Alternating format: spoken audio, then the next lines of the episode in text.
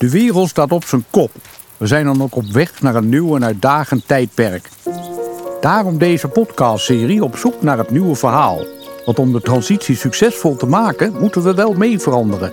En om je daarbij een handje te helpen, spreek ik, Kees van Opperingen, ter lering en ter inspiratie met de denkers en de doeners van onze tijd.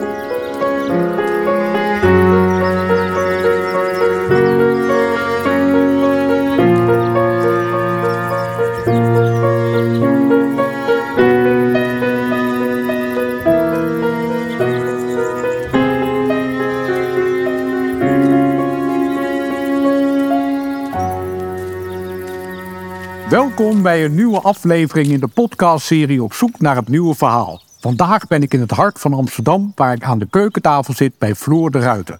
Floor is oprichter van Flying Elephants, een adviesbureau gespecialiseerd in verandermanagement. Floor heeft over dat onderwerp diverse boeken geschreven, waaronder Value Framing en het recent verschenen Bottom-up systeemtransformatie voor doorzetters. Floor, van harte welkom in mijn podcastserie Op zoek naar het nieuwe verhaal. Dankjewel dat je aan mijn keukentafel aanschuift.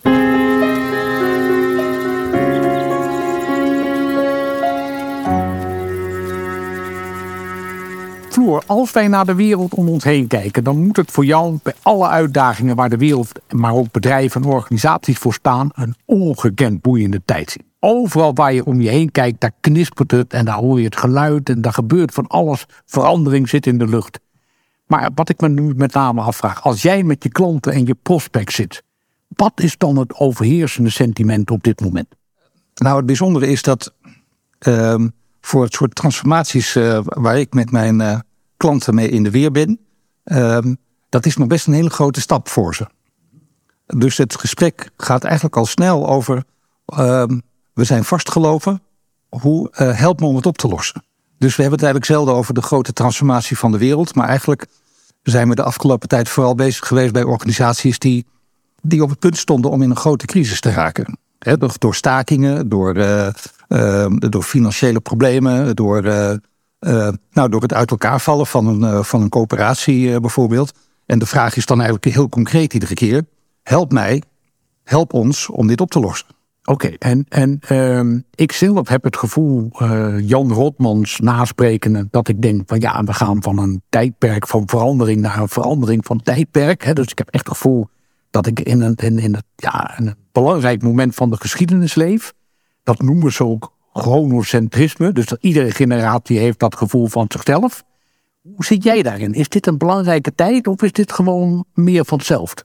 Nee, ik denk dat dit inderdaad een, een, belangrijke tijd is. En dat we aan het eind van een periode uh, zitten. En eerlijk gezegd hebben velen van ons natuurlijk al gedacht dat toen de bankencrisis in 2008 uh, de doorbrak wereldwijd, dat dat de grote trigger zou zijn. Maar het ligt natuurlijk genuanceerder. Maar we zijn zeker aan het. We zien allerlei signalen waar, vanuit mijn perspectief, organisaties echt aan een eind zitten van hun levenscyclus. En uh, en dat geldt voor publieke organisaties, voor zoals we met uh, vanuit de centrale overheid met boeren omgaan. En de enorme protesten die dat oplevert. Ook over de polarisatie die we zien, over de versplintering in de, in de politieke arena.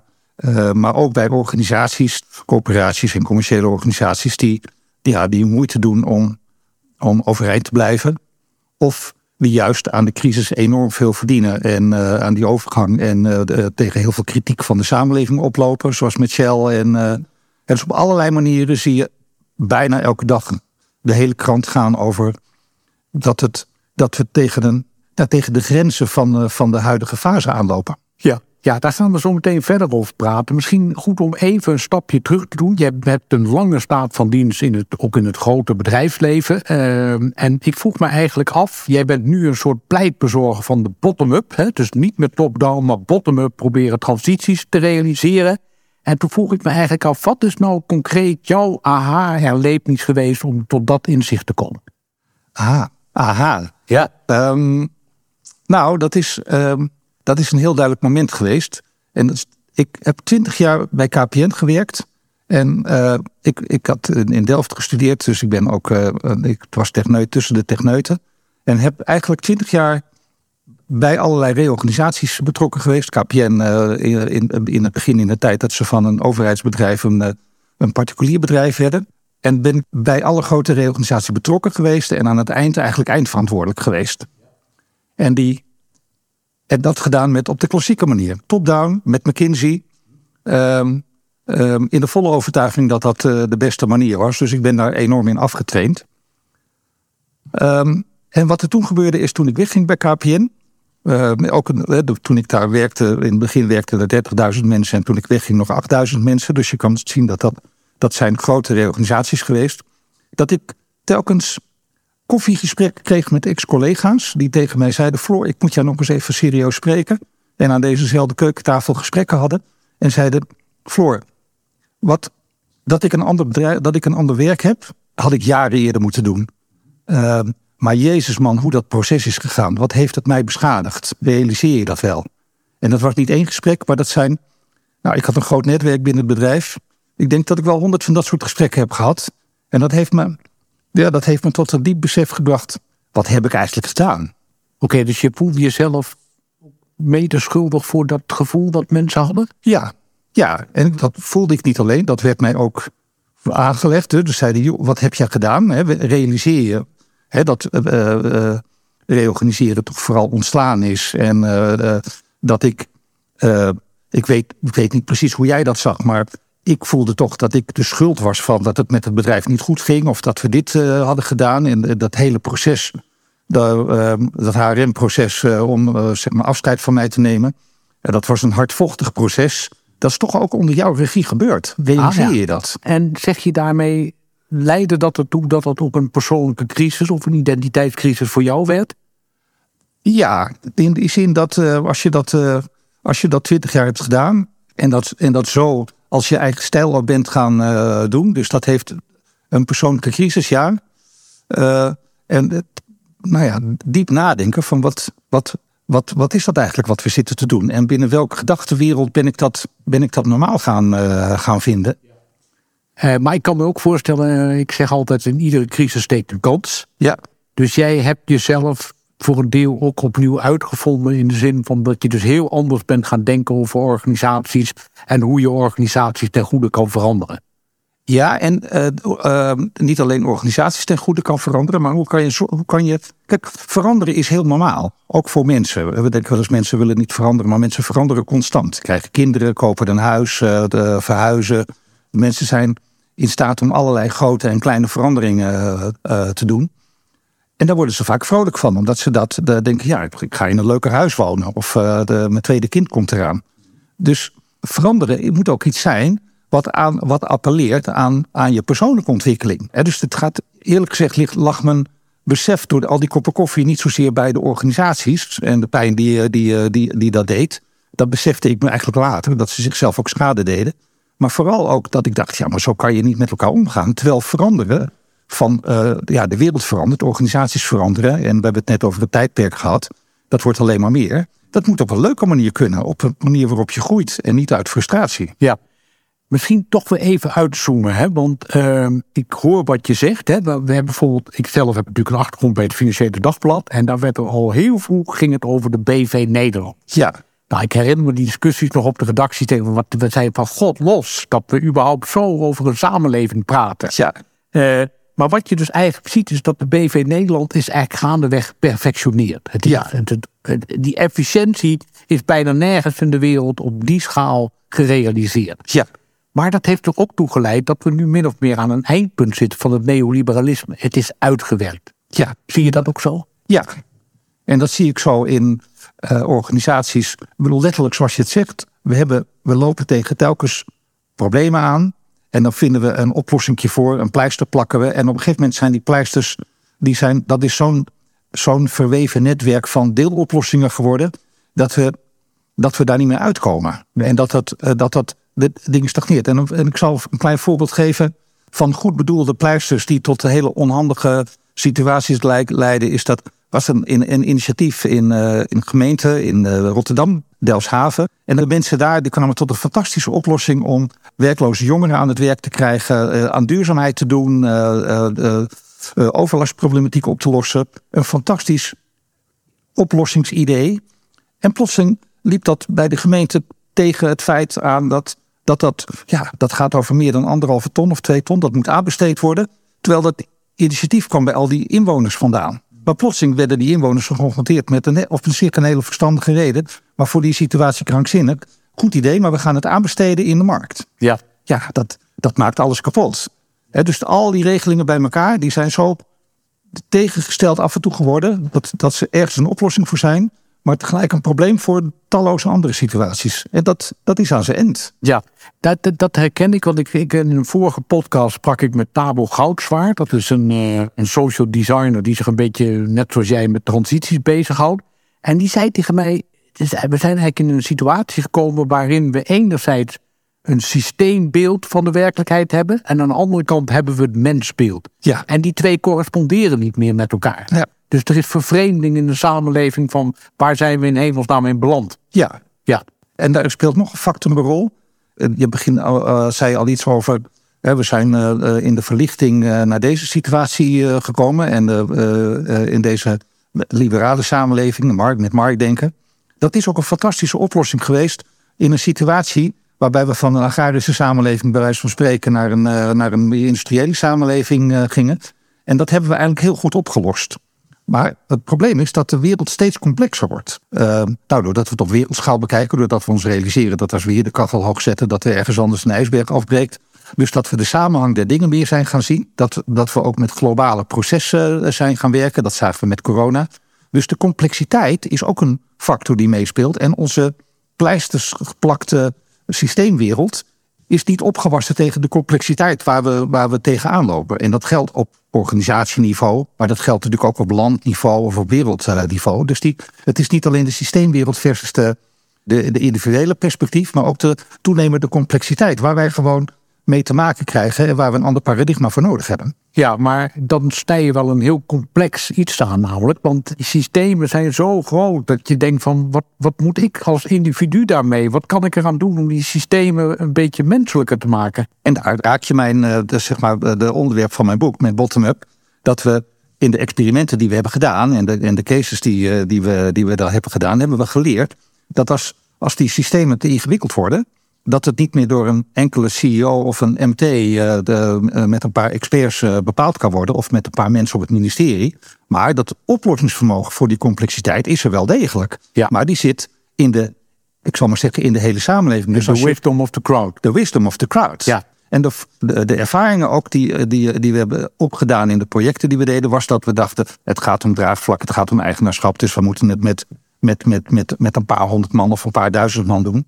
Maar het belangrijkste, een van de belangrijkste inzichten van het boek en uh, van de experimenten die we deden, is dat ook de wisdom of the crowd leidt tot kwalitatief veel betere oplossingen dan wat een, wat een, uh, wat een enkeling kan bedenken of wat experts kunnen bedenken. Ja. En dat heeft mij enorm verrast, keer op keer. Ja, en, en maar zie je daar dan een parallel met zoals vogels door de lucht vliegen, hè, in die zwermen, of vissen die heel dicht bij elkaar zitten? Heeft dat enigszins met elkaar te maken, of niet? Ja, of uh, het, da, daar komt het woord ecosysteem vandaan. De natuur is uh, vaak heel goed in staat om door allerlei deelbelangetjes uh, de, het collectief goed op te lossen. De natuur kent ook geen centrale CEO of een MT die, die het bos bestuurt. Ja. En, en toch is het bos in staat om te groeien en te anticiperen op de omstandigheden. Dus daar zit zeker een parallel in. Oké, okay, en zeg je dan ook dat dat zit eigenlijk een eindpunt in het denken in de sterke man of degene, de, de superieure man of vrouw die alle ideeën verpersoonlijk, dat is voorbij. Dat is, ja. ja. Ja, dus, de, dus de, dat leidt tot een, tot een andere rol. Want het, ik bedoel, voorbij niet in de zin van uh, hou er maar mee op. Maar verander je rol. Dus de, uh, in plaats van zelf te bedenken wat de beste oplossing is en dat te drukken door een systeem, ben je meer, uh, word je meer de regisseur van, van het oplossingsvermogen van de wisdom of the crowd. Ja, en heb jij het gevoel dat die mensen aan de top van bedrijven dat kunnen? Nou, nou raak ik in een gevoelig. Ja, ja, ja. Um, nou, uh, ik denk dat iedereen die potentie in zich heeft. Maar hoe langer je gewend bent aan de top-down manier van denken, hoe lastiger het is. Ja, wat ik interessant, hè, jij, daar moeten we zo even over verder praten. Jij hebt ook een heel groot project gedaan, bottom-up, bij Holland Casino. Groot succes geworden, binnen zes maanden zwarte cijfers. Ja. Alleen dan komt de CEO die zegt tegen jou, ja, het resultaat is oké. Okay, maar dat hele proces, dat had hij ervaren als een richtingloze, ongecontroleerde, onsamenhangende set van vage verwachtingen. Hij had zich totaal out of control gevoeld. Precies. Had je daar last van dat hij dat zei? Want het was jouw opdrachtgever. Ehm, nou, eigenlijk is het uh, meest schandelijke uh, voor mezelf en de les die ik moest leren, dat ik daar helemaal geen last van had. Nee, nee. En dat ik, dat ik eerlijk gezegd dacht, ja, je bent onderdeel van het deel wat, wat het probleem heeft veroorzaakt. Wees blij met het resultaat en probeer eigenlijk waar je het net over hebt, probeer je les te leren in de zin van een nieuwe rol die je hebt. de les die ik moest leren was dat ik, dat ik daar echt radicaal alleen maar bottom-up proces had gedaan. Dus met grote groepen medewerkers samen uitzoeken wat de beste oplossing was. En daar kwamen fantastische oplossingen uit, uh, overigens. Maar ik was het management wel vergeten en daarmee kwijtgeraakt. En ja. de lessen die ik aan het eind ik ging, is een, eh, dus zoals dat normaal gaat in dat soort trajecten. Je doet een evaluatie met je opdrachtgever. En de opdrachtgever die zei, ja, fantastisch dat, het eindresultaat, dat dit het eindresultaat is, maar dit, uh, dit hoef ik niet nog een keer te doen, uh, zo rondje. En dat heeft mij heel, uh, wederom ook weer heel erg geraakt. Dus ik dacht, ja, hier heb ik iets laten liggen. Oké, okay, maar die manager die was vooral bang dat hij dus de controle over het proces verloor. Ja. Is hij daar dan bang voor omdat hij dat moet verantwoorden naar de Raad van Commissarissen? Precies. Ja, letterlijk was dat zo'n vraag. Hè? Dat is mooi dat je dat, dat, dat vraagt. dat hij zei, ja, dat, ik, ik legde dan uit, het is een organisch proces. En dat hij zei, ja, dat is allemaal mooi, een organisch proces. Maar ik zit volgende week bij de Raad van Commissarissen. En die vraagt aan mij, loopt de reorganisatie een beetje? En heb je het onder controle? En waar zit je in het proces? En als hij dan moet antwoorden, hij zei, ja, dan moet ik antwoorden, ja, het is een organisch proces. Uh, ik heb geen idee uh, waar we staan. Uh, ik heb een of andere consultant over de vloer die met, met al mijn medewerkers praat. En er schijnen hele bijzondere dingen uit te komen, maar ik heb geen idee wat en hoe. Ja. En die, die mompelt de hele tijd iets over een, dat ik maar moet afwachten. Dus beste commissaris, laten we maar eens kijken wat eruit komt. Hij zegt, dat is natuurlijk geen verhaal waar ik morgen mee op pad kan. Nee. Nee, kijk, en het probleem is natuurlijk als je naar de grote management consultants kijkt in de wereld, hè, die, die praten natuurlijk vooraf met een bedrijf welke doelen ze willen bereiken. En dan tuigen ze een heel proces op. En dan worden zeg maar die medewerkers die dan mee mogen doen, die worden eigenlijk door die, door die gehaktmolen gedraaid. Ja. Uh, en dan komt er uiteindelijk inderdaad uit wat die directeur eigenlijk al op zijn kamer heeft bedacht. Ja. Uh, maar wat jij zegt, de wereld is zo complex geworden, dat is voorbij. Dat kan niet meer. Dus je, ja. moet, je moet inderdaad weer even terug naar de wisdom of the crowd. Ja. En jij zegt, we moeten dat bottom-up doen. We moeten de, de intelligentie en het, uh, de ervaring en alles van, van de mensen moeten we mobiliseren. Kan dat altijd? Of is het afhankelijk van type problemen waar een bedrijf in zit? Zeker. En dan hebben we het over problemen waar bedrijven in zitten. Kijk, simpele problemen kun je gewoon door een expert laten oplossen. We moeten niet alles, eh, bedoel, we zouden er gek van worden als we de hele dag in allerlei uh, grootschalige bottom-up-processen verzeild zijn geraakt, ook als deelnemer. Ik wil, ik wil wel, zeg maar, als deelnemer aan zo'n uh, gesprek, best is heel erg mijn best doen. Maar, en mijn eigenaarschap nemen. Maar dan moet het wel over belangrijke dingen gaan. En waar het relevant is dat ik een bijdrage lever. Dus het is zinvol voor de grote problemen die mij zelf als deelnemer ook raken. En als er ergens op de afdeling financiën een, eh, een technisch probleem opgelost moet worden, dan moeten we niet de hele winkel mobiliseren. Maar voor de grote, voor de grote transformatievraagstukken, waarbij eh, de organisatie verandert, maar eigenlijk ook alle, voor iedereen het een verandering is. De, de, de, de, de partners van zo'n organisatie, de toeleveranciers, maar ook alle medewerkers.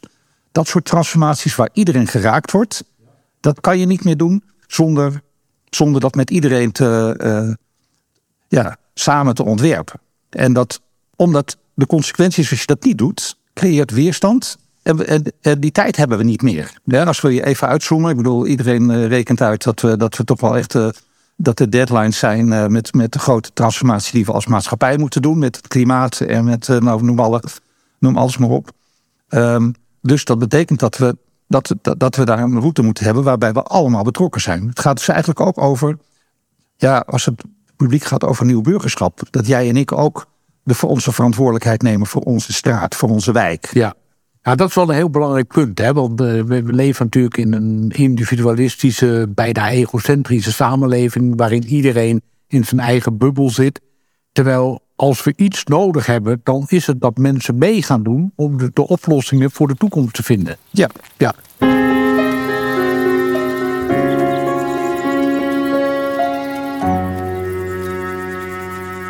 misschien om eens, want dat vind ik een interessant onderdeel van jouw boek.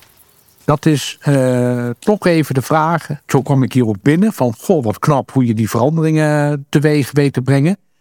Kunnen we eens praten over wat zijn nou eigenlijk de bouwstenen of wat zijn de uitgangspunten om een goede dialoog te voeren die ook daadwerkelijk tot verandering leidt die mensen breed met zich meedragen? Ja. Kun je dat eens uitleggen? Nou zeker, want dat is natuurlijk dat is de technische, maar ook hele essentiële onderdelen van zo'n uh, proces. En het eerste, uh, waar, wat een belangrijk element is, dat gaat over eigenaarschap. Eigenlijk is het zo dat uh, een eigenaarschap in de zin dat ik als medewerker denk, dit is ook mijn probleem en ik heb een oplossing. Of ik heb het probleem al een hele tijd gezien en er wordt niet naar mij geluisterd en ik ben boos en ik wil dat het verandert dat eigenaarschap, of dat nou uit, zich uit in frustratie of in, in, in een neiging om dingen te doen, dat is cruciaal. En eigenaarschap niet als een abstract begrip, maar in elke dialoog loopt, is het belangrijk hoe het eigenaarschap in het gesprek zich ontwikkelt. Als jij een expert bent en ik ben een boze medewerker. En jij zegt, oh ik heb je gehoord, uh, hier, moet, hier moet ik misschien wat aan doen als expert. Dan is intrinsiek op dat moment het eigenaarschap van mij naar jou verschoven. Ik denk, nou, ik hoor wel wat jij ervan maakt. En uh, als jij straks terugkomt met een oplossing, dan zeg ik, nou, dat is eigenlijk helemaal geen goed idee. Uh, daar heb je niet aan dit gedacht en niet aan dat gedacht. En dan, dan, begint, dan, dan raak ik alleen maar in een fase dat ik jou begin te bekritiseren. Dan is het eigenaarschap al verschoven. Elk moment van zo'n dialoog, of dat nou met 4000 kwekers is of met een, met een gesprek met twee personen, is het cruciaal om te kijken waar ligt het eigenaarschap en hoe houden we dat bij de mensen die, die, die, die, uh, nou ja, die ondergaan wat we eigenlijk met elkaar bespreken. Dus als wij het hebben over een andere manier van energie verdelen, of met, die, met, uh, met die 4000 kwekers van Flora Holland bijvoorbeeld, uh, waar we hebben gekeken naar veilingtarieven. Iets heel praktisch. Ja, nieuwe veilingtarieven raken mij in mijn, in mijn bedrijfsvoering onmiddellijk. Dus ik wil eigenaar blijven van de discussie die we daarover hebben. En ik wil niet een stelletje experts die zeggen: Nou, wacht maar even af, ik kom al met een plan. Ja, en is het in de praktijk moeilijk om dat eigenaarschap bij de juiste mensen te houden? Ja, dat is een grote. Dat is, een groot, uh, dat is een van de grote uitdagingen in die processen. Dus uh, directies hebben van nature de, de, uh, het gevoel. Zij, zij zijn boos, zij hebben een probleem, ik moet het oplossen. En experts die ernaast staan, of we het nou over McKinsey's hebben, maar ook. We hebben, we hebben gewerkt met, met, met, met tariefexperts die daar al verstand van hebben. Die, die luisteren naar zo'n probleem en het eerste neiging is om te denken: dat is het probleem wat ik moet oplossen. Daar ben ik voor, dat is mijn expertise. Ik ga aan de gang en ik kom volgende week met een plan. En het nog sterker is het zo dat we in het, om, om op die vraag nog wat verder in te gaan.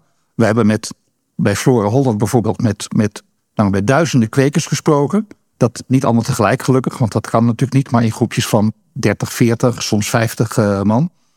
Dat zijn een heleboel sessies. Dat zijn uh, de, nou, één ronde over de tarivering bijvoorbeeld. Het ging over 25, 30 sessies. En ik had die experts hadden we in dat proces wel nodig. Maar die experts hadden alleen maar tot doel om antwoord te geven op vragen en niet met een eigen oplossing te komen. Dat vonden die experts enorm moeilijk en ze vonden het eigenlijk ook krankzinnig. Ze zeiden, joh, realiseer je wel dat wij dus 25 keer naar een groep kwekers toe moeten, 40 kwekers, dat we de vragen moeten beantwoorden die we van tevoren kunnen bedenken en dus de antwoorden ook. Terwijl we dat in een. Terwijl als je ons de opdracht geeft om een oplossing te verzinnen, dan zijn we er in twee dagen uit. Realiseer je wat het kost om ons dat te laten doen. En waarom koos je daarvoor dan? Wat, leef, wat is dan daar de meerwaarde van? De meerwaarde is dat het eigenaarschap bij die kwekers moest blijven. Ik blijf ook een techneut. De formule is: het resultaat van in een transformatie hangt af van de kwaliteit van het idee, maar het percentage eigenaarschap. En als ik dus een heel goed idee had, een goede oplossing had van die expert, maal 0% eigenaarschap heb ik nog niks. En nou is de praktijk, dat is de bijzondere ontdekking die ik al eerder zei, dat uh, uiteindelijk die kwekers met elkaar tot een interessantere en betere oplossing kwamen dan de experts hadden uh, bedacht van tevoren. Maar dat wisten we pas achteraf. Dat wist ik van tevoren natuurlijk niet dat dat zou gebeuren. Maar dus ook de wisdom of the crowd gaat niet alleen over wat we in een klassiek woord draagvlak noemen of participatie. Nee, er komen ook betere oplossingen uit.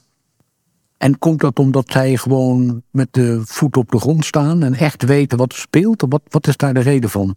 De, de, de reden is, en dat is ook weer een technische uh, oplossing. Eén gaat het over eigenaarschap. Tweede, essentieel onderdeel van de dialoog is dat je het conflict op tafel moet brengen. Dus we hadden in die, in die 25 sessies zaten we aan tafeltjes van zes tot acht personen. En we zaten zo aan die tafeltjes, wij niet, maar die kwekers, dat de belangentegenstelling aan elk tafeltje was. Dus het conflict heeft daar misschien wel honderdvoudig gespeeld. En, en had je dat van tevoren geselecteerd, die ja. mensen? Oké. Ja, daar hadden we allerlei trucken voor om dat te doen. Ja, ja. Uh, maar we wisten eigenlijk dat een 90% van de tafels zat dat conflict. En dat conflict losten we niet op door een compromis. Zij, hè, want dat, die kwekers niet door een compromis te maken. Wat je op een afstand zou kunnen doen. Uh, waar die experts bij ook mee aan de gang gingen. Nee, om het conflict ten diepste uit te werken met elkaar. En de oplossing op te schrijven. En daarmee kwamen die kwekers tot veel fundamentelere oplossingen. Veel gedurfder of radicaler. Uh, en ook toekomstvastere oplossingen. Dan, dan de experts hadden durven voorstellen. Oké. Okay. Maar wat ik nog een, misschien moeten we daar niet te lang bij stilstaan, is best complex, hè? Maar, maar je hebt dan met elkaar mensen aan tafel zitten die niet alleen tegengestelde belangen hebben, maar die misschien ook tegengestelde karakters hebben. Ja. En dan heb je bijvoorbeeld, er wordt altijd van kleuren gesproken, hè? rood, blauw, groen, et cetera. En het punt daarmee is natuurlijk, daar zitten mensen bij die gaan het gevecht aan.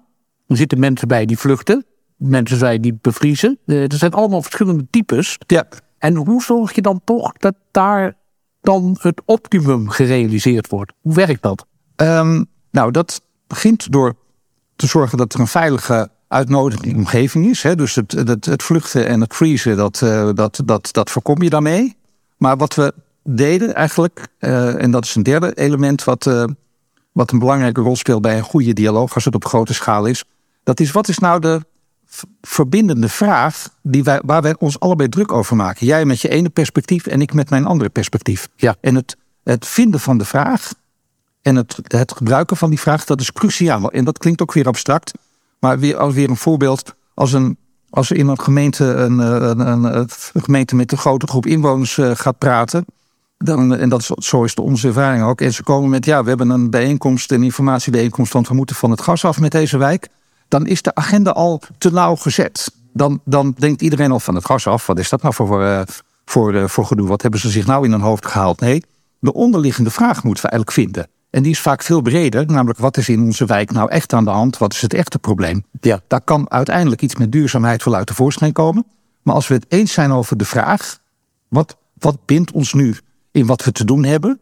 Uh, en we, we zetten dat in een goede vraag, dan ontstaat er een veel evenwichtigere discussie waarbij we onze belangen uh, op een productieve manier bij elkaar weten te krijgen. Ja, en dat is eigenlijk, want volgens mij geef jij aan, er zijn een aantal stadia van dialoog. Hè? Dus ja. zeg maar, communicatie is daarin essentieel. Ja. Maar die stadia, dat, dat is bijvoorbeeld dat je, ik geloof dat jullie zeggen van nou je hebt een verschillende luisterdynamiek. Hè? Je kunt luisteren uit gewoonte, je kunt luisteren van buitenaf, een beetje feitelijk. Je kunt luisteren op een empathische wijze en je kunt generatief luisteren vanuit de bron. Ja. En dat laatste is natuurlijk eigenlijk wat je wil realiseren. Of niet? Ja, voor de, voor de meest fundamentele veranderingen wil je dat generatieve ja. luisteren. Dat dan, is dat... dan, dan is het waarschijnlijk zo dat je als individu je ontstijgt aan jezelf. Ja, oké. Okay. En dat je, dat, dat noemen ze eigenlijk, ja, dat klinkt, dan wordt het een beetje abstract met luisteren naar de toekomst. Hè? Dus niet meer luisteren naar jouw argument en mijn argument, maar laten we ook praktisch zijn. Heel, in heel veel dialogen kom je niet zover. Dat, dat, dat is ook helemaal niet altijd nodig. Want als we op het niveau zitten van uh, jij legt je belangen op tafel en ik leg mijn belangen op tafel. Maar we gaan naar het niveau van empathie. Waarom heb jij dat belang? Waarom heb ik dat belang? Op dat niveau zijn dit soort problemen ook heel goed oplosbaar. Ja. Maar soms zit een, is een systeem zo vast. Hè, in, in gezondheidszorg rondom ziekenhuizen bijvoorbeeld. Of, uh, dan, dan kunnen we bijna niet. Dan zit dat systeem zo beklemd om ons heen, dan moeten we eigenlijk naar de generatief luisteren. Maar veel problemen zijn eigenlijk ook best op te lossen op eenvoudigere niveaus van communicatie. Dat onze belangen gewoon nog best een rol kunnen spelen. Ja, en um, want ik wil toch langzaam tot een conclusie komen. Um, is die dialoog, hè, we hebben natuurlijk niet alleen te maken met problemen en transformaties bij bedrijven, maar we zitten ook met een uitdaging die bijna ons wereldwijde systeem aangaat. Ja. En kun je dan dat nog steeds oplossen met dialoog? Of moet het juist daar nou weer top-down zijn? Nou, ik zou bijna zeggen in tegendeel. De ervaring die we hebben opgedaan is de, in eerste instantie zijn in wat overzichtelijke systemen. Een coöperatie met 4000 uh, uh, leden en 3000 medewerkers. Maar dat is nog steeds een redelijk afgebakend systeem. Maar we, uh, we doen het ook op het gebied van, nou, van de energietransitie. Hè, bijvoorbeeld, waarbij inwoners en, en, en, en lokale overheden met elkaar aan de slag moeten en, en energiecoöperaties. Juist die grote problemen, dat zijn de problemen waar dit soort bottom-up processen nou juist heel geschikt voor zijn. Omdat daar de complexiteit te groot van is om dat aan een, aan een enkele partij of aan een, een top-down over te laten. En heel concreet is het ook weer dat uh, als je ziet wat, uh, wat, wat we op het ministerie van de LNV bedenken om de stikstofproblemen bij de boeren op te lossen. Hè, gewoon uitkopen. En uh, dat is een te simplistische oplossing voor de, voor de complexiteit die zich voordoet. En dat, dat kun je, en dat hebben we ook ervaren, dat kun je net zo goed of veel beter oplossen door met, uh, met duizend boeren aan, uh, in gesprek uh, te gaan. En ook daar hebben we weer hetzelfde ervaren dat als je, het klinkt krankzinnig natuurlijk, met duizend boeren praat en ook daar weer niet tegelijk praat, komen daar weer radicalere oplossingen tevoorschijn die wel recht doen aan de complexiteit. En niet zomaar met wat, met wat eenvoudige uitkoopregelingen. En die uitkoopregelingen die ook tot nou, die leiden ook tot grote protesten en uh, mensen die de hak in het zand zetten en uh, met trekkers naar het Malieveld rijden. Terwijl er zitten fantastische oplossingen in dat systeem. Ja. Dus het is eigenlijk, uh, als je het nou op de keper beschouwt, de oplossingen zijn er, die liggen er, die moeten alleen worden gevonden en die moeten opengelegd worden. En daarin spelen natuurlijk ook de overheid speelt daarin een belangrijke rol dat men ook de burgers als volwaardige mensen accepteert om die oplossing samen te zoeken. Ja, eigenlijk hebben we het over de vraag in dat nieuwe verhaal waar jij mee eh, begon, zeg maar voorbij eh, het marktliberalisme waar we in verzeild zijn geraakt.